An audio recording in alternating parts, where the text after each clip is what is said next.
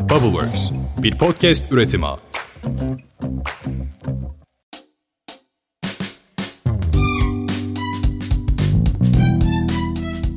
Selamlar, Podcast Boşları'na hoş geldiniz. Ben Seha. Ben de Atakan. Bubbleworks Media ve Active Ventures işbirliğiyle hayata geçirdiğimiz podcast serimizin dördüncü ve son bölümüyle karşındayız. Bu bölümde konuğumuz Active Ventures Mobilite Çözümleri Müdürü Furkan Çakmak. Furkan'la senin de çok merak ettiğini bildiğimiz mobilite ve süper app'ler hakkında konuşacağız. Active Ventures'ın Venture Builder yapısından defalarca bahsettik zaten bu seride. Bu yapının bir sonucu olarak ortaya çıkan, dolmuşlarda QR kodla temas ödeme yapabilmeyi sağlayan Indibinde uygulamasını ve mobilite süper app'ine dönüşme hedeflerini dinleme şansımız olacak. Söylemesi bile çok heyecanlı. Onun için daha da fazla lafı uzatmadan mikrofonu konuğumuza uzatmak istiyorum. Furkan hoş geldin abi. Nasılsın? Merhabalar, hoş bulduk. İyiyim, siz nasılsınız? Biz de iyiyiz vallahi Furkan. Umarız seni böyle çok uzaklardan getirip yormamışızdır ya.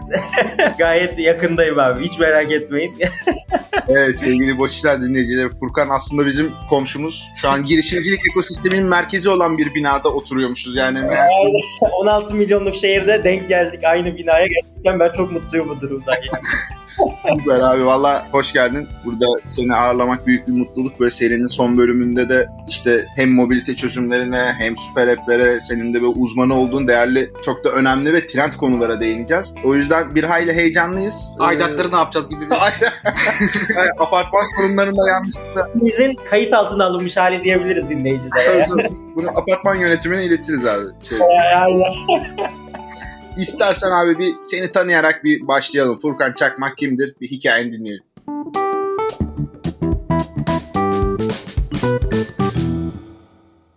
Ben Furkan İstanbul'da doğdum ve büyüdüm ve bütün hayatım İstanbul'da eğitim hayatımla beraber. İstanbul Oka Üniversitesi'nden 2017 yılında mezun oldum endüstri mühendisliğinden. Staj programında yer aldım. Koç Finansman AŞ'de satış bölge yöneticiliği yaptım. Şöyle söyleyebilirim acısını çıkarttım aslında İstanbul'da uzun süre yaşamanın. Türkiye'nin birçok ilini ziyaret etme fırsatı buldum. Yine otomobil dünyasının içerisindeydim startup dünyasına geçtim Active Ventures'la. Bu tarafta da hem indibindi dünyası hem mobilite dünyasının farklı alanlarında çalışıyorum. Bu tarz geçişleri gün geçtikçe daha fazla da duymaya başladık. İnsanda da şeyi merak ettiriyor. Yani birden bu girişimcilik ekosistemine doğru geçiş nasıl oldu? Sen nasıl karar verdin? Yani bir sabah uyandın ve ben startup dünyasına yöneleceğim demedin. Yani neticede muhtemelen bir süreci vardır bunun. Bir de kararı verdikten sonra uygulaması da kolay bir dönem değil. Çok böyle kısaca bir orayı da seni daha iyi tanımak adına ve belki bizi dinleyen kişilere de tüyo olması adına alabilirsek senden harika olur. Ya aslında ben böyle hayatta kararları çok net alan biriyim. Yani işte bir anda işte yemek yeme stilini değiştiren, işte aralıklı oruç sistemine geçen biriyim. İşte ne bileyim hayatta böyle net kararlar alan biriyim ve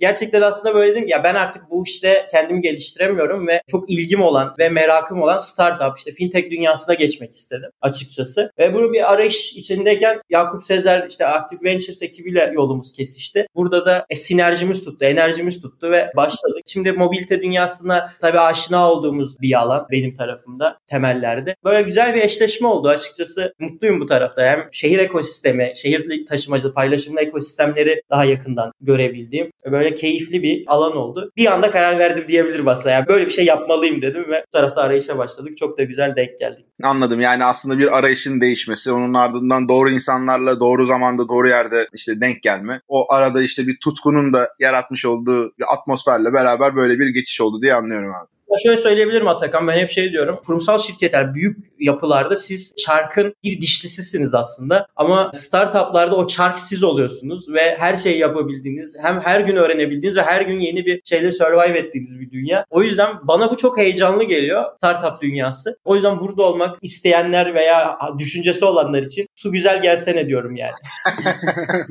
güzel abi süper. Valla şimdi yer yer yine ben seninle ilgili bazı hikayelere bir geri dönüş yaparız ama bir an önce abi şu indi bindi tarafına da geçmek istiyoruz. Çünkü mobilite ile ilgili oldukça böyle disruptive bir yaklaşım ortaya koyuyorsunuz. Bu iş kullanıcı ve müşteri tarafında kimleri hedefliyor, nasıl bir problem sonucu ortaya çıkıyor diye şöyle minik bir başlangıç yapalım soruları serinin dördüncü podcast'i. Benden önceki arkadaşlarımdan da aslında Active Ventures'ı dinlediğinizde bizim aslında bütün işlerimizin disruptive işler olduğunu, bir düzene yenilik getirmek üzerine kurduğunu görmüşsünüzdür. Dinleyicilerimiz de dinlemiştir. Kesinlikle evet. Şimdi Indibindi uygulaması Sermayeli Yatırım Bankası Aktif Bank'ın kurum içi girişimciliğinden gelen bir ürün. 2021'in Şubat ayında canlıya alındı sarı dolmuşlarda İstanbul'da sarı dolmuşlarda QR'la ödeme imkanı sağlıyor. Dolmuş deneyimini yaşamışsınızdır Atakan. Yani bu herhalde ben hiç dolmuşa binmedim diyen yoktur diye düşünüyorum. Mutlaka binerken nakiti ödemeyeyim. Ya bir ATM arayayım da dolmuşa bineceğim sıkıntısını herkes yaşamıştır. Aslında temellerinde bunlar var. E, pandeminin de üstüne gelmesiyle beraber pandemide insanların paraya temas etmemesi, daha safe bir alanda kalmak istemesi aslında ürünün ortaya çıkmasında önemli bir etken. E tabi şöyle bir şey söyleyeyim. Dolmuş dünyası, sarı dolmuş artı mavi diye adlandırdığımız bu şehrin her yerinde gördüğümüz dolmuşlar günlük ortalama 2 milyona yakın yolcu taşıyor. E, inanılmaz bir alan ve buradaki yolcuların yolculuk hikayelerini bilmiyoruz. Nereye gidiyor, nereye geliyor hiçbir şey takip edemiyoruz. Sadece nakit akışının döndüğü bir alan ve hiç dijitalleşmemiş bir yer. Biz açıkçası burada dolmuşu disrupt etmek istiyoruz. Bu tarafı daha iyiye götürmek istiyoruz diyebilirim. Yani o zaman şöyle düşünebiliriz. Dolmuşta önde oturuyorsun ve arkadan işte böyle şimşek gibi, ok gibi böyle paralar uzatılıyor birdenbire. Kesinlikle. 50 liradan bir Ayşe kadı alabilir miyiz falan diye veya işte orada şoförü Geri dönmesindeki o stresi biliyorsunuz değil mi? Ya gelecek mi param ya da 100 lira mı? Acaba geldi mi geliyor mu? Ne oldu bizim para kaptana da soramıyorsun falan gergin bir ortam. O gerginliği anlıyoruz diyebiliriz yani indi bindiyle. Ben buraya bir 100 lira uzattım ama bu geri dönmedi. Şimdi kaptan kızsa ben ne diyeceğim falan gibi. O aracı olmanın verdiği o büyük yük.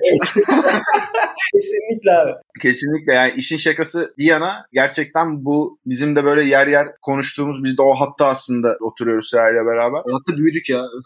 Aynen ve bir türlü özellikle bir taksi falan geldiğinde mesela ben bu sarı dolmuşlar ve diğer dolmuşlara da abi hemen gelir herhalde diye düşünüyordum. Aradan yıllar geçti. Siz aslında öğrencisi oldunuz. Zor bir alan yani. Bir kaptan tarafının da bir talebi var aslında. Onlar da dijitalleşmek istiyor. Onlar da yolcuları takip etmek istiyor. Ne kadar yolcu biniyor, hangi yolcu nereye gidiyor? Araçların kendi sahipleri işte kaptanlarını takip etmek istiyor. Aslında burada iki boyut var. Hem yolcu tarafı hem kaptan tarafı. Her iki tarafta dijitalleşmek istiyor ama alan zor. E, gelenekselleşmiş kodları var. E, işte nakite temas etmek istiyor. Hızlıca parayı cebine koymak istiyor vesaire. Tabi burada bu tip zorluklar kaptan tarafında var diyebilirim. Dolmuş sektörü gerçekten e, disrupt edilmesi çok zor. Ama bir yandan da oldukça büyük ve acıların da olduğu bir pazar. Dolayısıyla güzel girişimcilik hikayelerinin yazıldığı bir noktadayız abi. Yani birkaç tane kriter aranır ya. Hani her şeyden önce pazarın büyük olması gerekir. O pazarda çözülmeyi bekleyen gerçek acıların olması gerekir. Ve bir yandan da mümkünse orada bazı zorluklar olacak ki neticede bir giriş bariyeri olması lazım ve herkes daha deyince ya evet ben bunu yaparım diyememeli. Sizin burada da önemli avantajlarınız var. İlerleyen zamanlarda sohbetin akışında oraya değineceğiz ama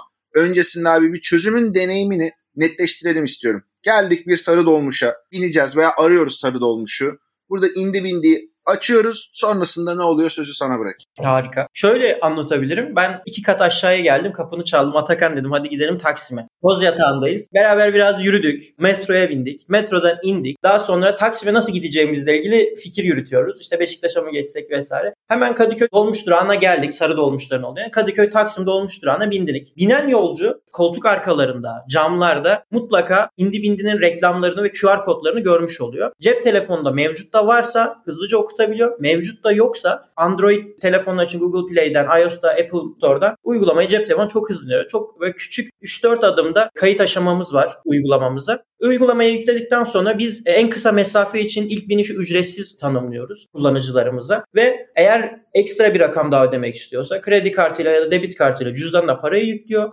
QR kodunu okutuyor ve kaptana bir bildirim gidiyor aslında. Kaptan uygulamasında kaptana gelen bildirimde yolcunun ismi maskeli şekilde yani isim ve soy isminin baş harfleriyle görüyor ve diyor ki evet ödemeniz alındı ve yolculuk aslında bu kadar hızlı şekilde ödeme süreci bitmiş oluyor diyebilirim. Sadece şeyi soracağım belki ben de kaçırmış olabilirim de QR kod nerede duruyor? Yani nereye okutuyor? Şimdi sarı dolmuşları biliyorsunuz. Şu an sarı dolmuştan bahsediyorum. Sadece oturarak yolcu alıyor. Burada oturarak yolcu aldığı için sadece koltuk arkalarında ve ön sağ koltuğun önüne yerleştiriyoruz. Yani dolmuşa binen bütün kullanıcıların görebileceği bir yerde aslında. Yani herkes onu görebiliyor ve QR'ları koltuk arkasında ya da camda okutabiliyorlar. Biz önceden onları yerleştirmiş oluyoruz dolmuşlara. Yani böylece oradaki sürücü de aslında işte 8 kişi bindiyse 8 tane orada bildirim aldığında tamam deyip ödemenin alınmış olduğunda rahatlıkla anlıyor. Bir yandan işin şöyle bir konusu da var. Yani bundan dolayı yaşanan kaza nedir bilmiyorum ama ben mesela hep şeyde stres olmuşumdur abi. O dolmuş süreçlerinde arabayı kullanırken bir yandan şey yaparlar ya o para aldı verdi. Evet evet. Böyle garip sağa sola yalpalamalı durumlar falan olur ve aslında etraftaki şoförlerin olayı idare ettiği kadar güvenli bir şekilde gidiyor olursun gibi bir konu vardır. Bu onun için de önemli bir nokta gibi geldi bana. Çok güzel bir noktaya değindin. Yani kesinlikle orada da bir güvenlik açığı olduğuna katılıyorum Atakan. Kesinlikle abi. Peki bir yandan şunu merak ediyorum. Şimdi bir pazara bir nevi güzel bir giriş var burada. Daha da penetrasyonu şüphesiz ki büyüyecek. Ama daha bu büyüme alanında neler var? İşin gelecek hedefleri neler? Siz bu pazarın içerisinde nasıl konumlanmak istiyorsunuz gibi merak ettiğim noktalar var. İşte global hedefler var mı? Varsa oradaki durumlar ne? Oradaki pazar durumu ne? Şöyle genel bir soru sorayım bir de. Indivindi içerisinde şu anda QR ile ödeme yaptırıyoruz ve e, bir test aşamasında yani pilotta denediğimiz bir rezervasyon sistemimiz var. Rezervasyon ara duraklarda yolcular kaptan uygulamasındaki kaptan boş koltuklarını belirliyor. Ara duraktaki yolcu o koltuğu kendisi için rezerve ediyor. Ödemesini yapıyor ve iletişimde kalıp ara duraktan alıyor. Tabii proses böyle konuşulduğu zaman biraz zor gibi duruyor. Biz bunu pilot aşamasındayız. Daha iyileştirmeye çalışıyoruz süreci. Birinci aşamada rezervasyon sistemini daha kullanılabilir hale getirmeye çalışacağız. Ya şimdi şöyle bir şeyden bahsediyorum. 2 milyonluk bir pazardan bahsediyoruz. Zaten bu pazarın az önce bahsettiğimiz gibi dijitalleştirilmesi başlı başına disruptive bir alan. Ama biz tabii Active Ventures ekibi olarak bize yetmiyor. Yetmez bize diyoruz ve biz bu mobilite işine biraz kafa yorduk. Araştırdık, okumaları yaptık, fuarlara katıldık. insanlarla bu işin içerisinden gelen kişilerle konuştuğumuzda aslında buraya yaşanan en büyük problemin connected olmaması. Yani biz seninle metrodan indikten sonra nereye gideceğimizle ilgili sadece geçmişte olan bilgilerimizle hareket edebiliyoruz. Eğer o anda aklımıza sarı dolmuş gelmiyorsa Taksim'e mutlaka Beşiktaş'a gidip bir tane daha ek sefer yaparak ilerlememiz gerekecek. Bence en büyük problem connected olması. Bu da şunu söylemek istiyorum. Dünya bu işte ilerliyor. İşte MaaS denilen bir sistem var. Mobility as a Service. Aslında mobilitenin süper app'i gibi bir konumlandırma var. Kendi içinde birçok yeteneği olan, kendine e, işlemleri olan uygulamaların tek bir yerde hizmetlerini sağlayabildiği, kullanıcıların tek rotayı, tek ödeme yöntemiyle sağlayabildikleri bir nokta. Biz Indibindi'yi bu yolda ilerletmek istiyoruz. Bir süper app konseptiyle götürmek istiyoruz açıkçası. Ya bu zamana kadar işte böyle süper app mobilitesi olmayla alakalı gerçekten çok fiziksel ve geleneksel olan bir dünyayı dijitalleştirdiniz. Ve buradaki hedef de aslında mobilite süper app olmak. Bizim dinleyicilerimiz süper app konusunda çok ilgili ve aslında merak da ediyorlar. Bize böyle tam anlamıyla süper app'in ne olduğunu, ne anlama geldiğini, kullanıcılar için ne anlamı olduğunu anlatabilirsen çok seviniriz Furkan. Ya Seha şöyle Süper App tabii kulağa çok havalı gelen bir isim. İsim ismi süper olduğu zaman böyle insan iyi hissediyor e, Süper App'ler. Aslında bir mühendislik kimliğimle bunu söylemem gerekirse, bir tanım yapmam gerekirse zengin müşteri deneyimini pratik faydalar sağlayan hizmet topluluğu diyebiliriz. Ama ben bunu şeye benzetiyorum anlatırken İsviçre çakısına kendi nevi şahsına münasır özellikleri olan birçok etkinin beraber kullanıldığı, tek yerde toplandığı bir alan diyorum Süper App'lere. Şöyle değişik bir istatistik verebilirim. Google Play Market ve Apple Store'da 5.5 milyon uygulama var. Yani cep telefonu indirilebilir 5.5 milyon uygulama var. Burada kullanıcılar için inanılmaz lebi derya bir alan var. Hepsi kendi içinde bir çözümü sunan, hepsi kendi içinde bir nedeni barındıran uygulamalar. Bu uygulamanın içinde cep telefonlarımızda sadece 80 tane uygulama var. Ve biz ortalama aylık 40 tanesine dokunuyoruz bu uygulamaların. Yani aslında gidebilecek yer çok fazla burada. Süper app mantığı buradan doğuyor diye düşünüyorum. Yani insanlar kendi ihtiyacı olduğunu düşünerek cep telefonuna indiriyor ve daha sonra o uygulamayı kullanmıyor. Ama beraber olduğunda, birlikte olduğunda uygulamalar ha burada bu vardı deyip aklına gelerek ya da görerek aynı servisleri kullanabildiği bir dünya süper app dünyası. Daha da gelişecek ve çok fazla gelecek. Henüz ülkemizde bir süper app yok ama ben inanıyorum geleceğine. Biz daha çok mobilite tarafındayız ve mobilite süper app'i de henüz ülkemizde yok. Peki abi şeyi çok merak ettim ben. Gerçekten şey kısmını insanlar niye süper app ister ve niye kullanırlar farkında olmadan niye buna ihtiyaçları olduğu kısmını çok net bir şekilde anladım. Bir de şeyi merak ediyorum. Bu hangi sektörlerde kullanılabilir süper app'ler? Hangi sektörlerde bir süper app yapabiliriz? Müşterilere, kullanıcılara faydalı olabilir bu süper app yaklaşımı? Şöyle söyleyebilirim. Ya aslında Süper App'in babası diye adlandırabileceğimiz WeChat var Çin'de biliyorsun. 1.25 milyar kullanıcısı var. WeChat içerisinde aslında bir mesajlaşma uygulaması temelinde. Ama daha sonra fatura ödeyebildiğin, finansal hizmetleri yapabildiğin, işte taksi çağırabildiğin, aslında her şeyi yapabildiğin bir süper app WeChat. Finansal temelli süper app'ler de tabii çok kullanılabilir ve ihtiyacı çözen noktada. Ama ben biraz bunu mobilite tarafından söylemem gerekirse Asya tarafında Endonezya kökenli Gojek, e, yine Singapur kökenli Grab gibi aslında o bölgelerin ihtiyaçlarını çok hızlı çözen uygulamalar var. İşte Grab'de motorla sizi bir yere götürebiliyor. Aynı motorla işte bir yere kargo da gönderebiliyorsunuz gibi bir dünya aslında Asya tarafının süper app'lerinde gidiyor. Yine Avrupa'ya geldiğimiz zaman Lyft, Uber gibi yine mobilite kökenli scooter'a binebildiğiniz işte araba taksi çağırabildiğiniz süper app'ler de var. Grab'in CEO'sunun bir röportajında denk geldim. Şöyle söylüyor diyor ki ya biz bu işe başladığımız zaman şoförlere biz haritayı anlatamadık. Yani harita cep telefonunda bir harita var ve bunu kullanabileceğini anlatamadık. Şu anda öyle takla attırıyorlar e, tab- ambiyane tabirle. İnanılmaz bir noktaya geliyor. Ülkemizde de böyle çok hızlı şekilde mobilite dünyasında ilginin alakanın hem kaptan, şoför işte bu işin bütün paydaşları tarafından ilgiyle başlayacağını düşünüyorum. Volkswagen'in Almanya'da yaptığı bir araştırma var. 2030'a kadar mobilite paylaşımlı bu süper app, mobilite süper sektörünün 70 milyar dolar seviyesine geleceği ve Avrupa'nın 5. büyük pazarı olacağını düşünüyorlar. Yani aslında buraya doğru gidiyoruz. Buraya doğru olağanüstü bir akış var diyebilirim. Özellikle mobilite sektöründe süper kavramında. Tam aslında şeyi soracaktım abi. Çok güzel bir bağlam oldu. Soruyu öyle hazırlamıştım ki.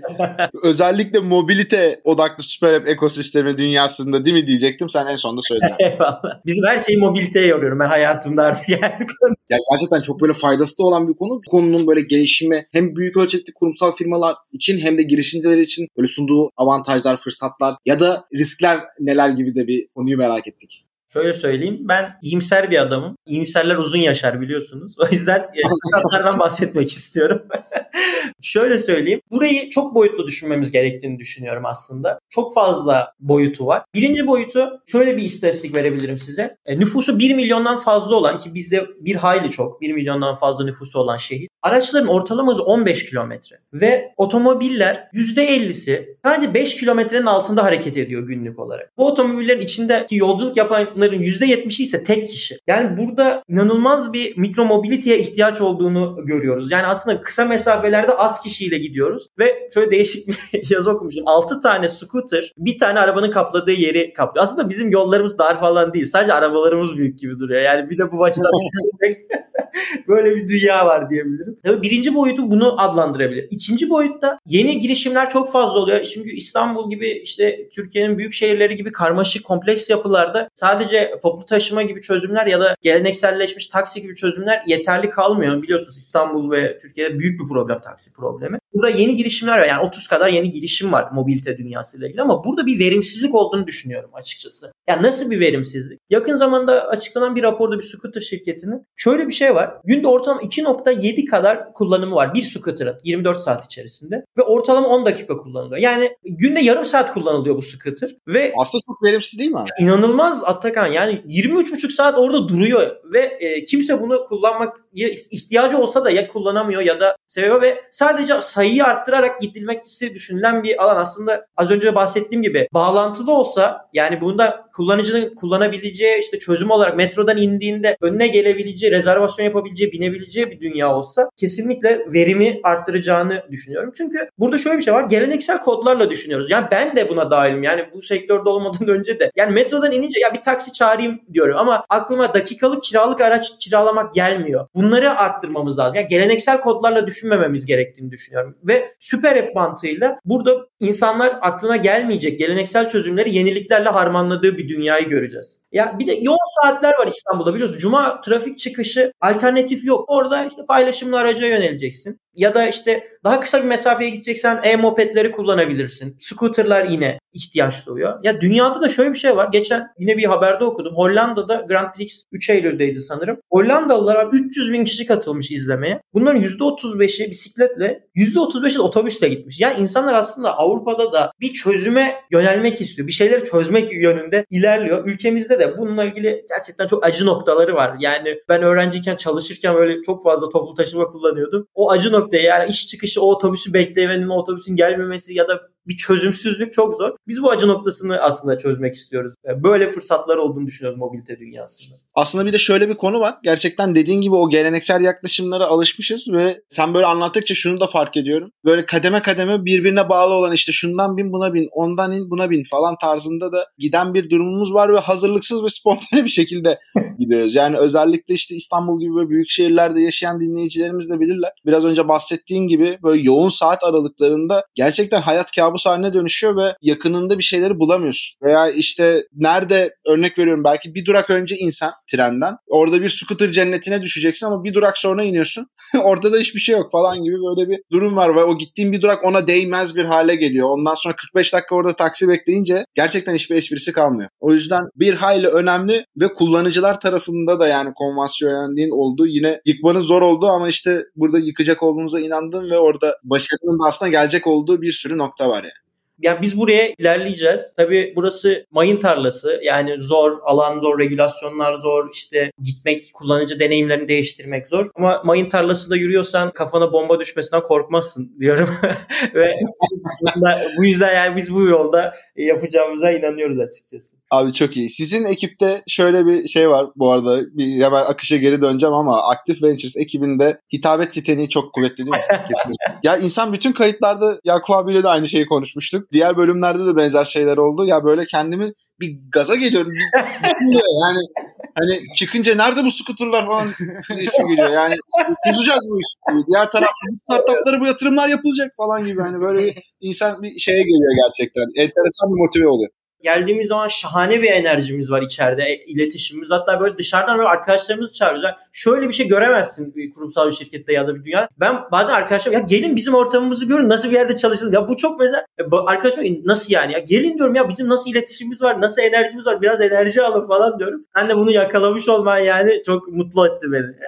Yok biz bunu çok derinden yaşadık bu süreçte. Ee, o yüzden çok da mutluyuz. Bir de şimdi artık yavaş yavaş böyle sonlara doğru geliyoruz ama genelde yatırımcılar neye bakarlar? Girişimci, girişimdeki o girişimci takım ve o takımla ürünün çözümün uyumuna bakarlar. Sen varsan bu işi tamam bir noktada çözülür. Problem ve pazarda doğruysa işte oradaki o kurucular da veya bu işi lead eden kişiler de doğru kişilerse bu işe inanç her zaman vardır. Özellikle başlangıç aşamasında böyle artık seri B'lere, C'lere falan gelinene kadarki süreçte bu oldukça önemlidir. Sizde de bu işi aslında bu hale getiren, o kurucu ürün uyumunu getiren önemli noktalar var abi. Sizi ayrıştıran değerli özellikler var. Biraz da buradan bahsedersen hepimizin aklına çok daha netleşecek diye düşünüyorum. Şimdi şöyle şey söyleyeyim. Global ölçekte yani bu işi yapan ülkeler var. İşte bu Viyana'da yapılıyor. İşte insanların %46'sı diyor ki bu bizim hızımızı çok arttırdı. Benim en büyük motivasyonum bu diyor. İşte geliyorsun işte İsveç'te adam diyor ki ben ben bu sistemi kullandıkça bu süper app, mobilite süper app'ini kullandıkça araba almaktan vazgeçtim. Paylaşımlı ekosisteme yöneldim diyor. Burada bunu görebiliyoruz. Bu mobilite dünyasında bu işi yaparken çevreci de bir yaklaşımda bakıyoruz olaya. Örnek vermek gerekirse Dublin'in karbon emisyonunu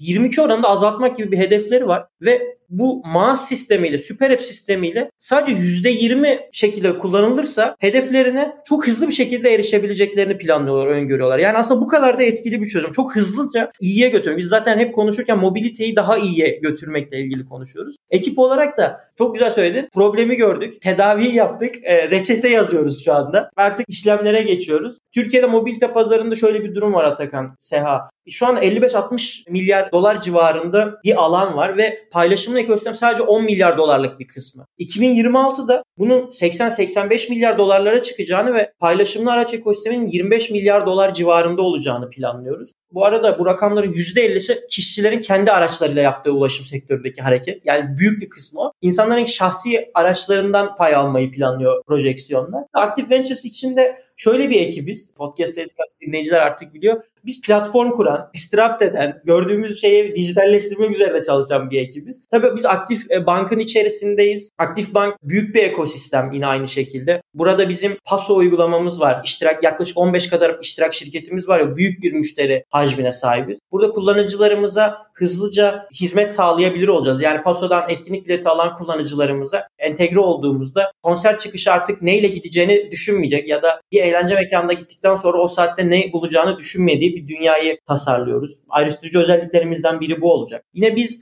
API'larımızı dünyaya açmayı planlıyoruz. Yani müşteri hacmine güvenen büyük firmalar bir app'i var ve çok fazla kullanıcısı var ve kullanıcılarına ulaşım dikeyinde bir hizmet sağlamak istiyor. Diyoruz ki sen gidip herkesle partnerlik anlaşması yapma. Biz zaten bu deneyimi kullanıcılarımıza çok iyi bir şekilde sunuyoruz. Bizim API'lerimizi kullanabilirsin dediğimiz çözümler de yine açacağız. Platform tecrübesi, bankacılık, fintech temellerimiz. Az önce bahsettim Grab, Gojek gibi firmalar aslında iyi birer finansal hizmet sunan e, firmalar. Finansal hizmetleri kullanıcılarına servis eden firmalar. Biz de fintech kökenli bir ekip olarak mobilite süper app'imizin altında finansal hizmetleri sunduğumuz kullanıcıların kendi kartıyla gidebildiği bir dünya tasarlıyoruz aslında. Biraz da şeyden bahsetmek isterim eğer zamanımız varsa Atakan. Indibindi süper app'i içerisinde neler olacak? Aslında biraz tariflemek isterim. A noktasından B noktasına gitmek isteyen kullanıcılar herkesin cebinde olmasını istiyor. Sadece paylaşım ekosistemi üstünden konuştuk ama şahsi aracıyla da bir yere gitmek isteyen kişiler için tek uygulama içerisinde şarj istasyonlarını görebildiği, otoparkını görebildiği, ya ben bu trafiğe girmeyeyim abi, arabamı park edeyim buradan devam edeyim diyebildiği birçok farklı dikeyin yer aldığı bir dünya hayal ediyoruz. İçerisinde scooter, işte dolmuş zaten bizim kendi operasyonunu yönettiğimiz alan, işte dakikalık araç kiralama, uzun günlük araç kiralayabileceği bir alan. Bisiklet kiralamayı düşünüyoruz. Bisiklet ekosisteminin Türkiye'de gelişmesini destekliyoruz ve istiyoruz e, yine bu tarafta. Aynı zamanda bazı servisler eklemeyi düşünüyoruz. Sigorta, uçak, otobüs bileti de satın alabildiği tam bir mobilite ile ilgili olan her alana dokunduğumuz ve bizi en çok heyecanlandıran alanlardan biri de uygulamamız içerisinde bir dükkan oluşturarak mobilite ürünlerini satabildiğimiz, mobilite ürünü satanların olduğu bir pazar planlıyoruz. Geçen gün bir karavan şirketiyle görüştüm. Onlarla bizi süper hepimiz için de karavan kiralamak istiyorlar. Dedim ki mobilite ile ilgili olan her şeye varız biz. O yüzden buradan da söyleyelim ya mobilite ile ilgili hiçbir şeyler yapan herkesi bizim yeni uygulamamızın içerisinde konumlandırabileceğimiz mutlaka bir yer buluruz. Ben de bu alanda ürün satışı nedir abi hani küçük bir parça vesaire falan derken karavan boyutuna göre geldiğine göre gerçekten skala geniş diye anlıyorum ya.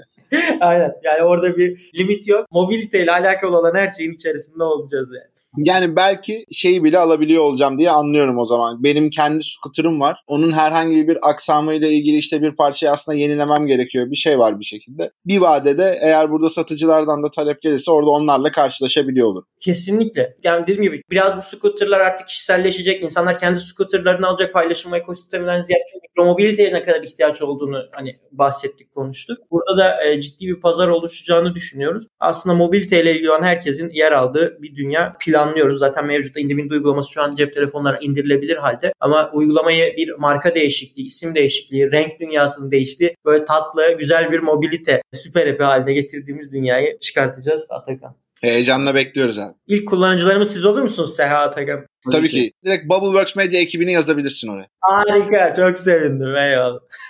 ya bu arada Furkan ben cidden kullanırım. Biraz önce şeyden bahsettin ya konser çıkışı. Oğlum biz de cidden kullanırız. Yani sen şimdi şey için bölüm için öyle diyorsun. Hayır öyle demiyorum. Cidden kullanırız.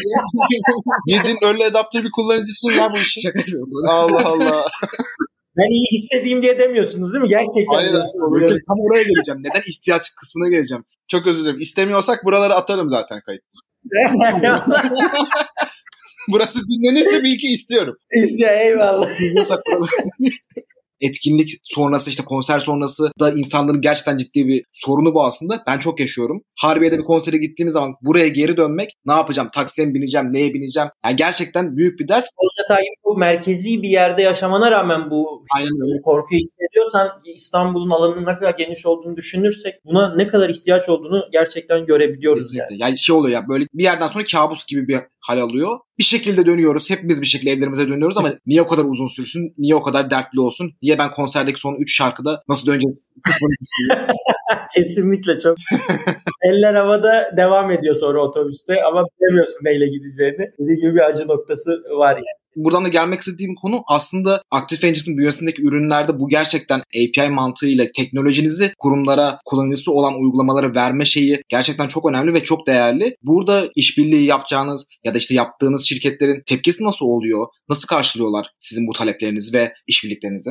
Ya açıkçası mobilite dünyası bankacılık sektörü gibi işbirliğine çok açık bir dünya değil. Daha çok kendi app'i indirme üzerine ya da kendine lead yaratma üzerine çalışan bir app. İşbirlikleri genelde ekiplerin üstünde. Ya bu işi yapar bu ekip e, mantığıyla bakılıyor. O yüzden partnerlik taraflarında tabii çok fazla partnerle görüştük. Yeni tarafta hem toplu taşıma tarafında bizim mevcutta Ekent isimli bir e, toplu taşıma biletleme altyapısı sağlayan bir iştirak şirketimiz de var. Yani bu tarafta da hızlıca gideceğiz. Partnerlik tarafı zor, kolay değil, gerçekten kolay değil. Mobilite dünyasında özellikle. Ama biz her dikeyimiz için bir partnerla ilerleyeceğiz ilerleyen dönemde. Süper valla harika. Yani kelimelerin bittiği yer. ben Bitti artık mobilitenin konuştuğu mobilitenin yer. konuştuğu yer. Eyvallah. Gerçekten böyle bölüm esnasında kafamda bir harita A, B, C, D noktalarında kolay kolay gittik indimindiyle ve mobilite mantığını, süper app mantığını anlaya anlaya. Tabi burada sohbet esnasında kaçırdığımız önemli detaylar olabilir. Dediğim gibi yani LinkedIn hesaplarımızdan paylaşıyoruz. Indibin'in Instagram hesabından paylaşıyoruz. Bu tarafta da kullanıcıları bizi takip etmelerini tavsiye ediyoruz. Bu büyük bir ekosistem ve e, mutlaka paydaşlarımızın geri bildirimleriyle gelişecek bir ekosistem olduğuna inanıyoruz. O yüzden geri bildirimleri ve daha fazla detay konuşabileceğimiz ilgisi olan arkadaşlar mobiliteyle her zaman açık olduğumuzu söylemek isterim. Kesinlikle. Zaten bölüm açıklamasına da Active Ventures'ın bütün hesaplarını da koyuyor oluruz. Ya bu konuda öyle bir konu ki insanın aklına hem fikirler geliyor hem de kullandıkça aslında geri bildirimde bulunulması gerektiğini ve yani oradaki deneyimi de paylaşmaları gerektiği ortada bir konu. Açıklamadan hepimize ulaşabilirler. Ulaşılması çok kolay insanlar ve ekipleriz. Bunun dışında Furkan eklemek istediğin dinleyicilerimize bir şey var mı? Ya şöyle söyleyebilirim. Biz bu işe gerçekten zor bir alan. Artık kollarımızı sıvadık, hamuruna elimizi soktuk ambiyane tabirle. Yani biz bu işe korkmadığımız için cesarete ihtiyaç duymuyoruz ve daldık diyebilirim. Korkmuyorsan cesarete ihtiyaç duymazsın. Şöyle bir Türkiye haritasını göz önüne alın. Az önce de bahsettim. Türkiye'de bir mobilite süper yapı yok. Komşularımızı düşünün. Yani o tarafta Bulgaristan, Yunanistan. Sağ tarafta işte Nahçıvan, Azerbaycan, işte aşağıda İran, Irak. Ya yani daha da genişletebilirsiniz. Biraz daha genişletebilirsiniz. Bu ülkelerde de aslında bir mobilite süper yapı yok. Kullanılmıyor. Aslında bu ülkelerin hiçbirinde de bizim üniversitelerimiz kadar köklü üniversite olduğunu düşünmüyorum açıkçası. Mutlaka vardır ama bizim üniversitelerimiz kadar köklü üniversite olduğunu düşünmüyorum. Yine bu ülkelerin hiçbirinde bizim üniversitelerimizde yer alan hocalarımız kadar değerli, iyi hocaların olduğunu düşünmüyorum. Yine bu ülkelerin hiçbirinde bizim hocalarımızın yetiştirdiği iyi mühendisler, iyi işletmeciler, iyi sosyal bilimci arkadaşların olduğunu düşünmüyorum. Ya ülkemizde yine bu ülkelerin içerisinde gümrük mekanizmaları gibi batıya birebir entegre olmuş yıllardır. Bu kadar kolay hızlı işlemler yapabilen ülkeler olduğunu düşünmüyorum. Bu ülkelerin hiçbirinde Afrika'nın balta girmemiş ormanlarında iş peşinde koşan girişimci bir ruh olduğunu düşünmüyorum ve bizim kadar genç nüfusa sahip, yeni teknolojilere hızlı adapte olabilen, yeni teknoloji çok hızlı kullanan bir yer yok. O yüzden bu işi biz yine yap- yapacağız, ülkemiz içerisinde yapacağız. Bu topraklardan çıkacak. Hızlıca globale açılacağız. Avrupa'da ilerleyeceğiz. Çevre ülkelerimizde ilerleyeceğiz. Ve mobilite sektöründe Türkiye'nin unicornlarını, dekakornlarını çıkartacağımıza inanıyorum. Yani ekleyeceğim bu olur ek olarak. Abi valla yani Atakan, Atakan dedi ya gaza geliyoruz diye hakikaten gaza geldik ve Yine bu ülkelerin hiçbirinde bizim kadar gaza gelmeye müsait bir ülkede yok yani onu da. Furkan'la indi bindi mitingine hoş geldiniz. Yemin ederim burada koşarak gideceğim ya. Böyle as bayrakları as diyorum. Yani. Şöyle minik bir he, hemen bir şey de yapayım. Gerçekten ülkenin bulunduğu jeopolitik konum içerisindeki orada sahip olduğu değerlerimiz çok çok dediğin gibi ön plana çıkan değerler. Eminiz ki işte bu diğer bahsedilen bütün ülkelerde de çünkü hep sıkıntının olduğu bir coğrafya abi. Sıkıntının ve sorunun olduğu her yerde girişimcilik ve işte onun getirisi olan bir çözüm arayışı da mutlaka vardır. Zaten hani senin de vurgulamak istediğin noktanın burada o ön plana çıkışımız olduğunu, buradaki o potansiyelin aslında büyüklüğü olduğu ve bu işi burada yapmanın da hem manevi olarak hem ülke açısından pek çok değeri olduğuna, altını çizmek olduğunu anlıyorum. O yüzden çok çok değerli. Bunu burada boş işler içerisinde bu sohbeti yürütüyor olmak da bizim için de ayrıca büyük bir mutluluk. Yıllar sonra umarız deriz. Bizim öyle hikayemiz çok. Yani bunu abi ta bu zamanlar şöyle şöyle olacak diye konuştuk. Olmuş hatta daha fazlası olmuş. Şekliyle tekrar konuklarımızla telefonlaşıyoruz, görüşüyoruz. Yer yer bir daha kayda alıyoruz. Burada da o ruh böyle içime doğmuş gibi oldu yani. Onu ben de söyleyeyim. Oldum. Gerçekten çok mutlu oldum. Böyle hissettirebildiysem çok mutlu oldum. Süper harika valla. Ya Furkan bizim podcast boş işlerde son iki sorumuz artık böyle geleneksel ve dinleyicilerimize sorduğumuz bir soru. Senden bir hobi, metodoloji, kitap olabilir, podcast olabilir, film olabilir. İlla girişimcilikle ilgili olmasına gerek yok. İlla yok bunu oku da mobilite dünyasını daha da iyi öğren demene gerek yok. Senin hayatına değer katan bir şey verebilirsen bize çok sevinirim.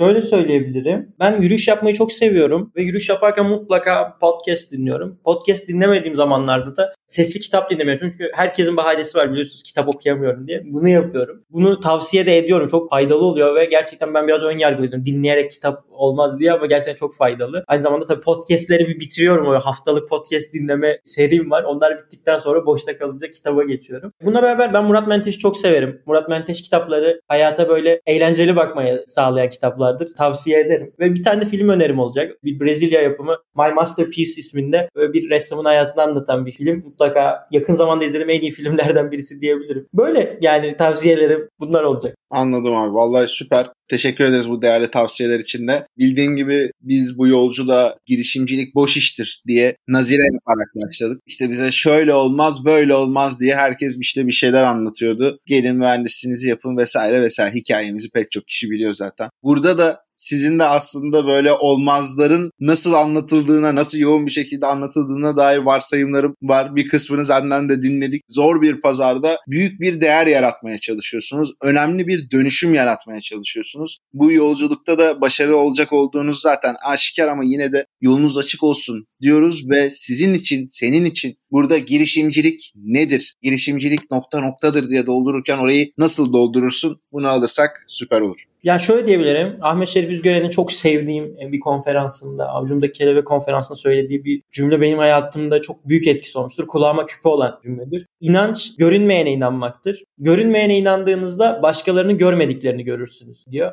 O yüzden ben girişimci arkadaşlara inanmalarını söylüyorum ve sakın unutmasınlar baharı iptal edemezler. O yüzden kesinlikle fikirlerini sonuna kadar inanarak devam etmelerini tavsiye ediyorum. Bu arada keyifli sohbet için de çok teşekkür ederim. Son soru olduğu için bir daha bana söz gelir mi bilemedim. Gelir abi zaten biz susalım sen konuş. Tüyler diken diken.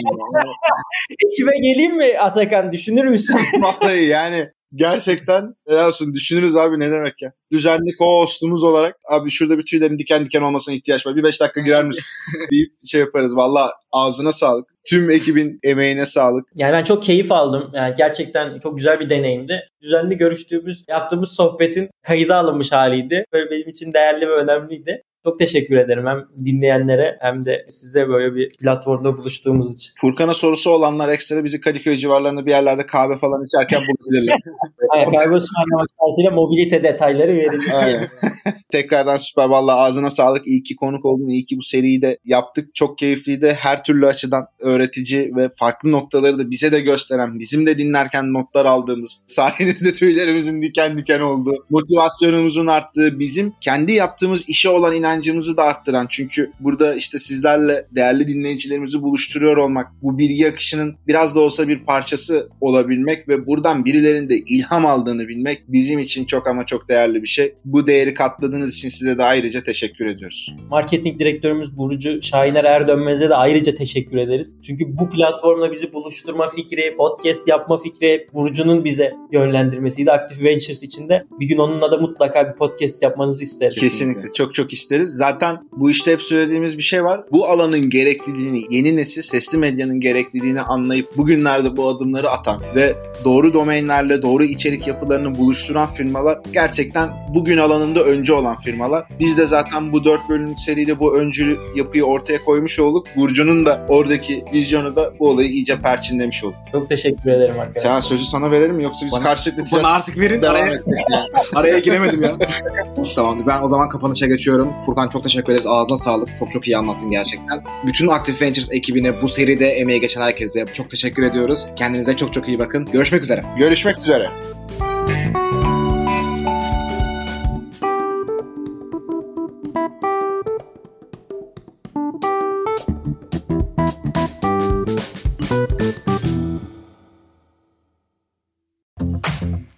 Bubbleworks bir podcast üretimi.